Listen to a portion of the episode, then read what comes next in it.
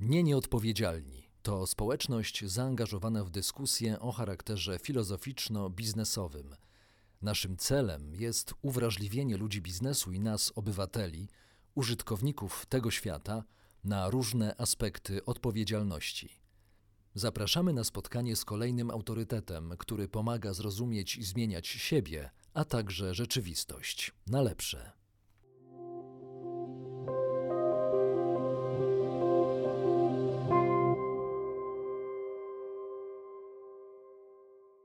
Dzień dobry, dzień dobry Państwu. Dzisiaj do rozmowy zaprosiłem siostrę Małgorzatę Chmielewską, przełożoną wspólnoty Chleb Życia. Siostra była już kilkakrotnie naszym gościem, między innymi na łamach nieregularnika Nieodpowiedzialni, a także na naszej konferencji. Siostra, dziękuję za przyjęcie zaproszenia i za chęć rozmowy. Dziękuję i witam wszystkich serdecznie słuchaczy i widzów. Siostro, dzisiaj będziemy rozmawiać o spotęgowanej bezdomności, to znaczy o tym, jak siostra radziła sobie e, w zarządzaniu domami wspólnoty Chleb Życia podczas pandemii koronawirusa. Na początek jestem ciekawy tego, jaką najpoważniejszą decyzję musiała podjąć siostra właśnie w tym, w tym czasie próby, jak możemy sobie wyobrazić, czyli podczas epidemii koronawirusa.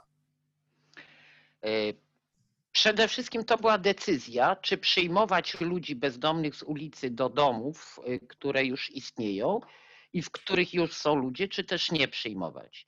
Y, trzeba wyjaśnić, że mamy 11 domów w tej chwili, w których jest około 300 osób, y, ludzi bezdomnych, ale w tak 99% to są ludzie starsi, chorzy i niepełnosprawni. Wobec tego y, oni są jakby najbardziej narażeni na zakażenie, a także na śmierć. Co widzieliśmy y, w przypadku zakażeń w domach pomocy społecznej, w domach, gdzie przybywają ludzie starzy i chorzy, w hospicjach. Y, nasze domy są takim czymś pośrednim pomiędzy hospicjum a domem starców. I to była ta decyzja, mimo tego, że władze usiłowały początkowo, nie zdając sobie sprawy z y, sytuacji, zmusić nas do tego, żebyśmy przyjmowali ludzi. Y, ja powiedziałam nie. Natychmiast wprowadziłam absolutny zakaz przyjmowania nowych mieszkańców. Oczywiście wszelkie reguły, instrukcje dotyczące zabezpieczeń zostały wprowadzone zanim jeszcze władza to wprowadziła. Do tej pory udało nam się uniknąć zakażenia, co nie oznacza, że jutro czy pojutrze go nie będzie, bo mimo wszelkich y, zabezpieczeń zawsze ktoś może przynieść. Mamy personel pracujący na zewnątrz, jeździmy z chorymi do y, placówek służby zdrowia, starając się oczywiście maksymalnie zabezpieczyć, ale to była ta decyzja, którą musiałam podjąć Mając do wyboru, czy zostawienie człowieka, y, który puka do naszych drzwi i być może bardzo potrzebuje pomocy, zwłaszcza jeśli jest chory, y, czy niedołężny, czy też zaryzykować życie kilkunastu, kilkudziesięciu, którzy w środku byli. Y, wybór pomiędzy dżumą a cholerą. No właśnie, tutaj chciałbym jeszcze dopytać, bo jak to jest? Czym siostra kierowała się e, oprócz e, mm, no, mm, kalkulacją niejako, tak? wyborem mniejszego zła. Jak to jest podejmując takie decyzje, e, czy emocje, czy współczucie, czy wszystko to, co siostra mm, reprezentuje swoją postawą, swoim działaniem w przestrzeni publicznej, czy wtedy to należy wyłączyć albo przestawić na jakieś inne tory, bo sytuacja jest wyjątkowa? Proszę pana, y, to nie jest tak, że się wyłącza y, y, miłosierdzie, że się wyłącza współczucie. Są sytuacje graniczne, w których musimy wybierać. Nie uratujemy wszystkich. Więc to była tego typu sytuacja. No, tak jak lekarz ma do, do dyspozycji jeden respirator i dwóch chorych w identycznej sytuacji, musi wybrać. Tutaj sprawa była o tyle jasna, że powiedzmy sobie, zadecydowała statystyka, co też nie oznacza, że e, bylibyśmy na tyle okrutni, że gdyby rzeczywiście istniała taka konieczność, e, nie zrobilibyśmy wszystkiego, żeby temu człowiekowi nie zrobić badań, czy też nie zabezpieczyć go w jakiś sposób. W tej chwili mamy już sytuację inną. Przede wszystkim dzięki ogromnej rzeszy ludzi dobrej woli mamy odpowiednie środki zabezpieczające, środki dezynfekcyjne, ubrania itd. itd.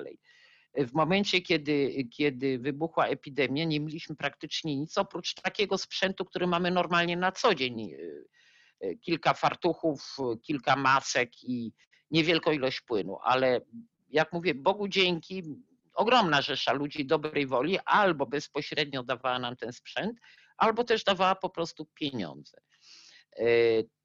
I do, co więcej, udało nam się, to też po prostu opatrznościowo, udało nam się otworzyć punkt testowania ludzi bezdomnych przed przyjęciem do schronisk. Taki punkt nasz działa w Warszawie. My pobieramy krew w namiotach, oczywiście to są badania przesiewowe na pierwszy rzut i profesjonalne laboratorium wykonuje te badania. To działa już chyba miesiąc czasu. Oczywiście można powiedzieć o dwa miesiące za późno, ale tłukłam głową o mur i nie byłam w stanie wymyślić czegoś, bo to się wiąże oczywiście z ogromnymi kosztami. Dostaliśmy grant dzięki dobrym ludziom, którzy pomyśleli, że może nam się przydadzą pieniądze e, i udało się taki punkt stworzyć. Także y, nie ma w tej chwili już takiego zagrożenia jak na początku, choć jak mówię, oczywiście e, zawsze istnieje to ryzyko. Stają pod drzwiami u nas ludzie e, z prośbą o pomoc. W tej chwili wykonujemy te testy i oczywiście przyjmujemy w miarę możliwości bo w schronisku Caritasu w Warszawie doszło do e, zakażenia. E, przyniósł koronawirusa człowiek, który był w szpitalu.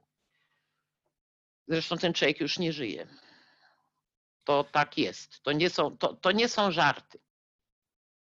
Siostro, czy siostra kalkulowała, e, odmawiając instytucjom państwowym, to co, to co siostra powiedziała, przyjmowania osób do schronisk, e, że nie otrzyma z tej strony pomocy, która będzie potrzebna. No chodzi po prostu o, o pieniądze, chodzi o pomoc finansową. Czy siostra wiedziała, że, że już wtedy, że nie może liczyć na, e, na no właśnie na instytucje państwowe? Te schroniska, e, schronis, część naszych domów dla ludzi bezdomnych w Warszawie jest w części dotowana przez Urząd Miasta. I oczywiście początkowo i pan wojewoda, i urzędnicy grozili nam paluszkiem, ale szybko się wycofali. Zresztą to nie była tylko moja decyzja, to były wielkie narady w całej Polsce, oczywiście przez internet, organizacji prowadzących, działających na rzecz ludzi bezdomnych. Co zrobić? Pisaliśmy pisma, pisaliśmy listy, żeby otworzono miejsce na kwarantannę takie miejsca powstały, ale powstały teraz pod koniec maja. No to powiedzmy sobie trochę późno, ale lepiej późno niż wcale. Natomiast y, to, że nam odbiorą pieniądze, no to proszę bardzo, e, to wtedy musieliby zabrać także naszych tych ludzi bezdomnych, których już mieliśmy w domu, więc nikt by się, nikt nie jest samobójcą, żeby nagle znaleźć miejsce dla 70 ludzi bezdomnych, starszych i chorych, w sytuacji epidemii do tego, prawda? Więc e, nie myślałam o tym, że nam odbiorą pieniądze, bo w gruncie rzeczy wiedziałam, że ludzie nie są aż tak głupi. E, tylko po prostu stanęli wobec sytuacji, która ich przerosła i z absolutnym brakiem wyobraźni. Bardzo szybko okazało się, że moje decyzje e, miały głębokie uzasadnienie. W Kaliszu, w Kaliszu bodajże zmarło 40 pensjonariuszy Domu Pomocy Społecznej w innych DPS-ach też, e, czy miejscach takich, gdzie przebywają skoszarowani, mówiąc w cudzysłowie, ludzie najbardziej narażeni na zakażenie. Także e, nie myślałam o tym, że mi ktoś zabierze pieniądze. Mm, trzęsąc się, kładłam w głowę moim ludziom, którzy też, ludzie, którzy ze mną współpracują, osoby prowadzące nasze domy, im się w głowie nie mieści po prostu, że można kogoś nie przyjąć. Skądinąd wiem, że jed, najmłodszy kierownik domu w Krakowie, mimo moich zakazów, przyjął człowieka. Bogu dzięki nic się nie stało, nie robię mu wymówek, ale, e, ale zrobił tak e, no, na własną odpowiedzialność, bo, bo tak przekraczając oczywiście te zakazy. Więc to nie chodziło o pieniądze, tu chodziło o rzeczywiste zagrożenie dla naszych mieszkańców. A pieniądze w ten czy w inny sposób zawsze by się znalazły. Tym, tak jak mówię, to ludzie, którzy wydali te decyzje, czy chcieli jakby nas do tego zobligować, w momencie początku epidemii nie mieli w ogóle wyobraźni. Urzędnicy, oni nie mieli wyobraźni, co się może stać tak naprawdę. Także nawet nie mam o to do nich pretensji, y, bo w końcu wycofali się z tej decyzji. Co mogła zrobić osoba bezdomna w czasie wybuchu pandemii, e, jeśli nie mogła dostać się do jednego z 11 domów wspólnoty Chleb Życia albo do innych ośrodków, które przyjmowały ludzi bezdomnych? Jak e, wyglądało życie ludzi bezdomnych? e, Tragicznie. Nic nie mogła zrobić. Organizacje, które wydawały posiłki, e, zupy, takie są grupy zup, zupa na plantach, zupa na dworcu, zupa i tak dalej. E, Jedno z takich agent w Sopocie jest, e, to są zupa na Monciaku, jest przyłączona do naszej wspólnoty, to są nasi ludzie. E, Te organizacje natychmiast przerzuciły się na wydawanie kanapek, suchego prowiantu. Ale też oczywiście był dramat w postaci początkowo, w postaci środków zabezpieczających, bo to chodzi w dwie strony. Zarówno ludzie bezdomni mogli być narażeni na zakażenie ze strony tych, którzy rozdawali posiłki, jak i odwrotnie. E, No w końcu oczywiście udało się różnym organizacjom doprowadzić do tego, że wszyscy już te środki mniej więcej mają. Ale osoba bezdomna tak naprawdę nie mogła zrobić nic. Podam przykład. Ludzie bezdomni to są często ludzie uzależnieni od alkoholu, ludzie, którzy są przyzwyczajeni do wędrowania. E, Kilku naszych mieszkańców e, po prostu się urwało, nie, nie było w stanie wytrzymać zamknięcia e, i poszło w Polskę. I bardzo szybko myśmy im oczywiście tłumaczyli, że wszyscy są zamknięci, że nigdzie nie użebrają, że sklepy są markety pozamykane, w ogóle nikt zup nie wydaje właśnie, nie działają żadne organizacje, pomoc społeczna również zamknięta w biurach, prawda, e, kontakt e, przeważnie internetowy. To do nich nie docierało, więc panowie poszli i oczywiście bardzo szybko okazało się, że są no, na lodzie. Więc były telefony, błagania, żeby zostali przyjęci. Myśmy zorganizowali to nie tyle my, co w Rzeszowie też zupa tamtejsza, im badania. No ale niestety panowie zgłosili się z tymi badaniami po kilku dniach, co w ogóle przekre- przekreśliło sens tych badań. No więc od początku, no teraz zrobiło się cieplej, jest już poluzowanie, wobec tego nasi mieszkańcy, ci, którzy zwykle przychodzą tylko na zimę, opuszczają domy, ci, którzy są w stanie, ci zdrowsi oczywiście, bo jak ktoś jest leżący czy na wózku, to już raczej nie opuści. Yy, I tak to wygląda. Yy, Ostatnio jeden z panów w Krakowie powiedział zupełnie jasno, że on, no niestety, jest alkoholikiem i on bardzo przeprasza, ale on musi wyjść pić. Yy, Tak wygląda niestety sytuacja. Ona jest w tej chwili już niezależna od koronawirusa, dlatego że oczywiście przyjmujemy po badaniach yy, i każdego badamy mm, przy przyjęciu, ale z tym nie ma problemu. Rano jest pobrana krew, po południu są wyniki i do tego jest specjalny namiot, w którym ten człowiek może sobie odpocząć, zjeść, poleżeć, jeśli się czuje gorzej. Więc jest w tej chwili luksus. Ale jest lato i część ludzi bezdomnych po prostu jeszcze, można powiedzieć, korzysta z tego, że jest poluzowanie i, yy, i, i ciepło. Za moment e, bardzo chętnie podejmę mm, ten wątek, to znaczy jak należy się przygotować do, e, do tego, co będzie po lecie. Lato niestety żałujemy bardzo, ale trwa krótko.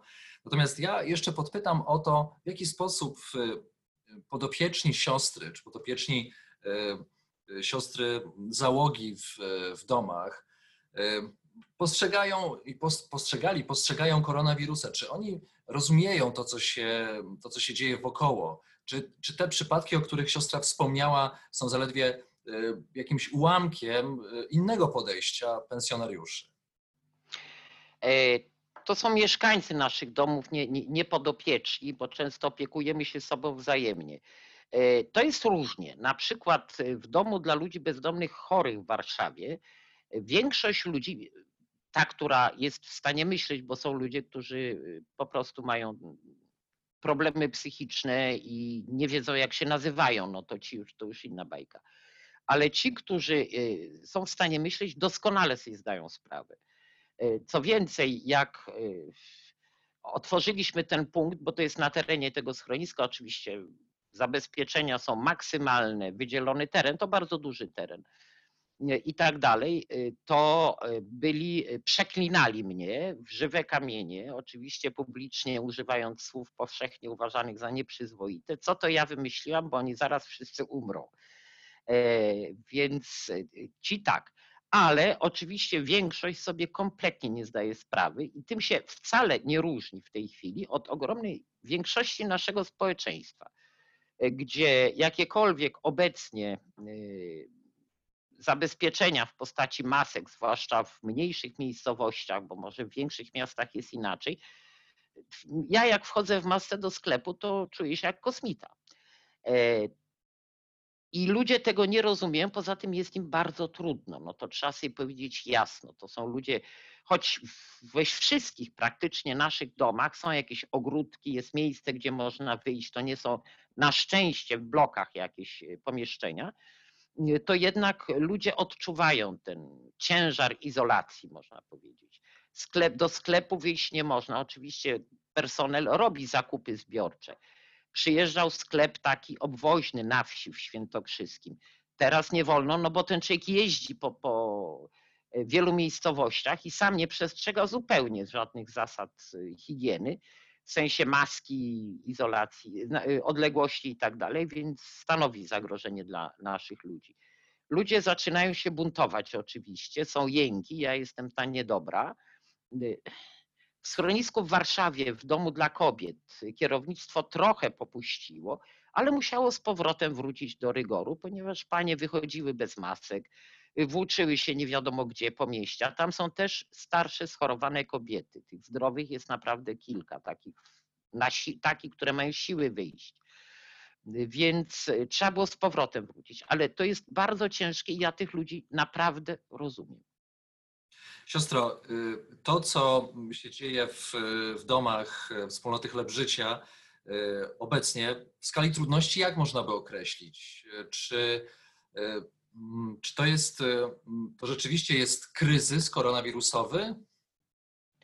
Ja myślę, że kryzys najgorszy mamy za sobą w sensie e, przestawienia e, całej tej ogromnej maszyny na sytuację epidemii, która być może pozostanie z nami długo. To mamy za sobą, bo to był ogromny wysiłek, naprawdę ogromny, żeby zdobyć pieniądze, zdobyć jedzenie My w większości żywność pochodzi z supermarketów, żywność na granicy ważności. No przez ponad miesiąc czasu e, markety praktycznie nie miały obrotów albo były zamknięte. Wobec tego trzeba było 300 ludzi wykarmić.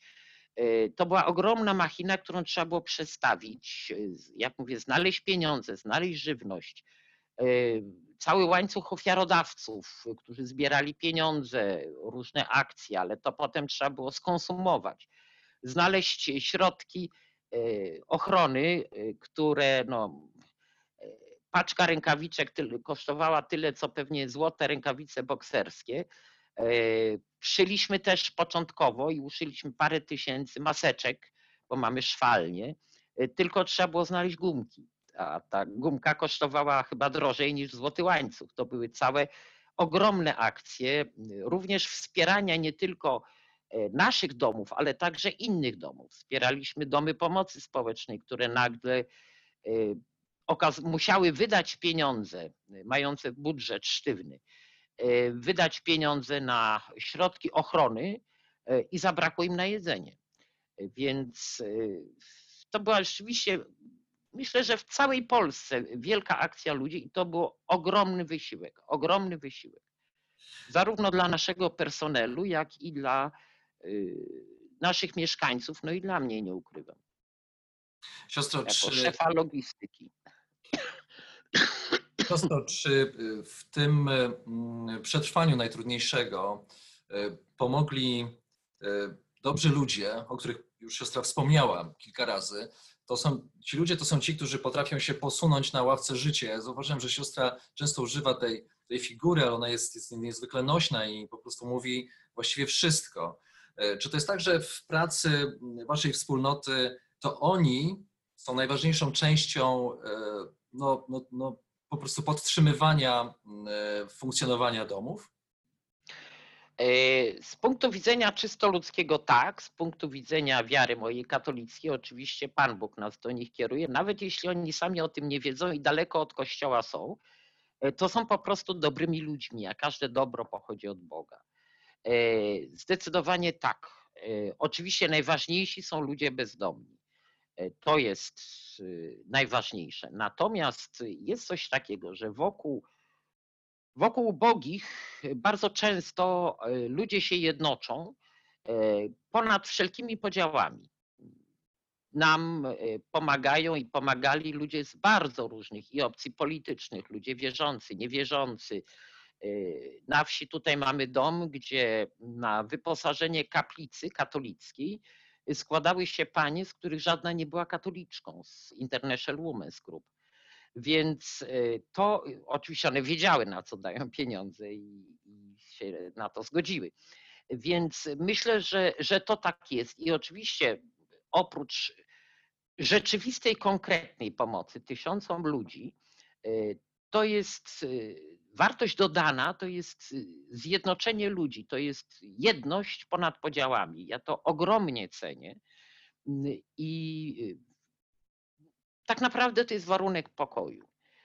Przede wszystkim dwie rzeczy. Przede wszystkim to, żeby ubogi mógł żyć godnie i mógł wzrastać w człowieczeństwie lub też czasami po prostu godnie umrzeć. E, trzeba go w tym wspierać w jego życiu. E, a druga rzecz to to jest e, pojednanie pomiędzy ludźmi, bardzo różnymi. Ja nie pytam, czy pan jest wierzący, czy pan jest niewierzący, czy pan jest PiS, PO, czy już nie wiem jaka inna partia. Po prostu nie. I i to dla mnie jest ogromna wartość. Myślę, że może porównywalna z uratowaniem życia jednemu czy drugiemu człowiekowi. Czego siostra będzie potrzebować, aby przygotować się na kolejne miesiące? Jeśli powróci e, pandemia jesienią, to co będzie tym walorem, tą, tą wartością deficytową? Myślę, że w tej chwili mamy przynajmniej nie, nie będzie takiej paniki i to nie będzie łapanie spadających szklanek y, w czasie trzęsienia ziemi. Y, aczkolwiek nie wiemy, co się wydarzy, różnie, różnie to może być. Y, dlatego, że tak jak przezorne mrówki, mamy w tej chwili, na, przynajmniej na początek, zabezpieczone przede wszystkim środki ochrony. To dzięki, jak mówię, rzeszy dobrej ludzi, dobrych ludzi i Y, kilku grantom, które, y, które dostaliśmy. Dwa chyba były z Polski, a jeden pochodzi od wujka Google. Y, żeby było śmiesznie, nic złego na Google nie, nie można mówić. I, tym, I to zabezpieczam. Oczywiście no, są pewne granice, w którymś momencie tego zabraknie, ale będziemy mieli przynajmniej tę chwilę oddechu, żeby organizować wszystko od nowa. E, mamy wprawę, mamy już w tej chwili przeszkolony personel e, odpowiedni e, do tego, żeby w razie na przykład kwarantanny też zareagować, no powiedzmy sobie, nie do końca licząc na działanie służb i sanepidu, ponieważ nie zawsze te decyzje są albo odpowiednio szybkie, albo też roztropne. Więc co nie znaczy, że ich nie posłuchamy, ale pewnie no właśnie, więc myślę, że tu spokojnie, nie powiem, że czekamy z utęsknieniem, ale nie patrzymy z przerażeniem, co się może stać, aczkolwiek, jak mówię, wszystko się może stać. Y, młodzi ludzie, bo to jest też bardzo ważny element, mianowicie większość y, osób, które prowadzą nasze domy, to są ludzie młodzi. Ja się z nich śmieję, y, dlatego że mówię, kochanie, wyście nie przeżyli komuny i nie musieliście stać szukać papieru toaletowego i nie wiecie, co to znaczy, jeszcze parę innych rzeczy. więc e, nie jesteście odporni na e, sytuacje takie właśnie graniczne. Ale myślę, że tę odporność właśnie nabierają. No, w każdym pokoleniu jest jakaś próba. I tu muszę powiedzieć, że młodzi ludzie naprawdę zdali egzamin. Nie ma żadnej chęci ucieczki, wymigiwania się od opieki, od, od wsparcia. Działają wszyscy razem, w tym personel nasz medyczny, wykwalifikowany personel z zewnątrz. Nikt nie wziął żadnego urlopu, ani nawet, e, chociaż niektórzy mają małe dzieci, mogli, by wziąć e, ten urlop taki na opiekę nad dziećmi. Nikt tego nie zrobił. Siostro, y, jak siostra sądzi, czy w efekcie koronawirusa, czyli w czasach post-korony, w które wchodzimy, a już właściwie weszliśmy, to co się będzie działo pomiędzy bogatymi a biednymi, mówię tutaj o, o różnicach, ró- różnicy posiadania, różnicy statusu, różnicy, no nie wiem, mentalnej wręcz, będzie się powiększać, to znaczy my się będziemy od siebie oddalać, ludzie ubodzy i ludzie, ludzie, którzy mają zabezpieczony byt.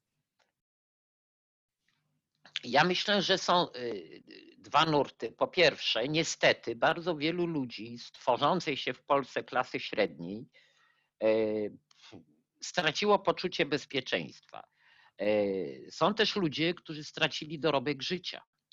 Y, Czyli ludzie, którzy mają restauracje na przykład, czy jakieś firmy turystyczne i tak dalej, i tak dalej. Mają albo ogromne, ale też i mali przedsiębiorcy, którzy na otworzenie swojego biznesu i później powodzenie biznesu poświęcili lata. E, Więc to myślę jest jedna strona medalu i ci ludzie na pewno, to, to jest część tych, którzy nas wspierali. Ci ludzie na pewno nie będą w stanie nas wspierać, e, bo przede wszystkim sami będą musieli walczyć i już walczą o przeżycie, mają kredyty na, na mieszkanie, na, fir- na rozwój firm i tak dalej. Drugi trend, który jest e, zawsze widoczny w sytuacji skrajnej, czy to jest wojna, czy to jest jakaś katastrofa, czy właśnie tego typu jak epidemia, e, to jest e, duża część ludzi zamyka się w swoim egoizmie i dba wyłącznie o swoje, lękając się o, o siebie, natomiast e, zupełnie ignorując e, potrzeby innych. To jest taki atawistyczny lęk i atawistyczna cecha, którą zresztą dość wyraźnie widać było w niektórych zachowaniach. Trzecia, bardziej optymistyczna, to jest taka, że sytuacje skrajne i dramatyczne wyzwalają w ludziach poczucie solidarności. I to widzieliśmy. W sytuacji, kiedy no nie zawsze rząd, władza, ci, którzy powinni, y, byli przygotowani również i psychicznie, ale i technicznie, i materialnie, y, i logistycznie. y, Tak naprawdę przetrwaliśmy to, ja uważam, dzięki ogromnej rzeszy, tysiącom, setkom tysięcy ludzi zaangażowanych, którzy ruszyli, nie patrząc na nic, do walki, można powiedzieć, dzieląc się, organizując, produkując maski, wysyłając pizzę lekarzom, no różne ale jednocześnie oczywiście ci sami lekarze byli czasami przed, pielęgniarki przedmiotem obrzydliwych ataków. Więc to są te trzy trendy. Który trend zwycięży? Trudno powiedzieć. Te dwa egoizmy, arogancja, kopanie słabszego, żeby wyrwać ten kawałek chleba, o który się boję. E, On był i niestety będzie, chyba że już będziemy żyli w raju. Który przeważy z tych? Trudno powiedzieć. Musimy nad tym pracować, żeby przeważył jednak ten ostatni. I wreszcie na koniec e, powrócę do tych, z których e, siostra czuje się dumna, jak mogłem wnioskować, to znaczy z tych młodych ludzi, którzy prowadzą domy wspólnoty chleb życia. Chodzi mi o ten przypadek z Krakowa. Czym siostra wytłumaczyła e, tego chłopaka, tego pana, który, e, który m, podjął jednak decyzję i przyjął osobę bezdomną e, przed zrobieniem mu, nie robiąc mu testu na koronawirusa? Udawałam, że o tym nie wiem. E, Mądry król wydaje tylko rozkazy możliwe do spełnienia. To jest y, mały ksią- w Małym Księciu. E, Udawałam, że o tym nie wiem, bo po prostu musiałam go op i tak dalej, i tak dalej. E, A no, Zrobił, nic się nie stało. Później delikatnie mu podsunęłam, że wiesz, teraz to patrz, mamy tutaj te, te, te testy, więc tu zrobimy te testy i tak dalej, i tak dalej. Zadzwoń do mnie. E, Ale oczywiście on się kierował przede wszystkim miłosierdziem, oczywiście. Przy czym to nie był człowiek nieświadomy ryzyka. Oczywiście był, to, to, to jest człowiek, który się wychował we wspólnocie który jest niezwykle bystry y, i on sobie zdawał sprawę z zagrożenia również i dla niego przecież, bo to nie jest tak, że umierają tylko starzy. Niestety bywa, że umierają i młodzi, a przynajmniej y, kwarantanna groziła, prawda, co też nie jest y, miłe. Więc on sobie zdawał sprawę z tego, ale tu przeważyło miłosierdzie. Ja nie mogę tego potępiać, więc udawałam, że nie wiem i nie wiem do tej pory. Siostro, i tak samo jak proszę przekazać pozdrowienia temu panu, e, szefowi domu w Krakowie, my wszyscy pozdrawiamy siostrę, przekazujemy te pozdrowienia online'owo, dziękując za rozmowę i mając nadzieję na to, że e, siostra nadal będzie miała wokół siebie takich wspaniałych ludzi i też e, energię różnie rozumianą do dalszego prowadzenia swojego dzieła. Bardzo dziękujemy i do zobaczenia. I ja do zobaczenia i ja pozdrawiam i też y, działajcie i bądźcie dobrzy. I chodźcie w maskach.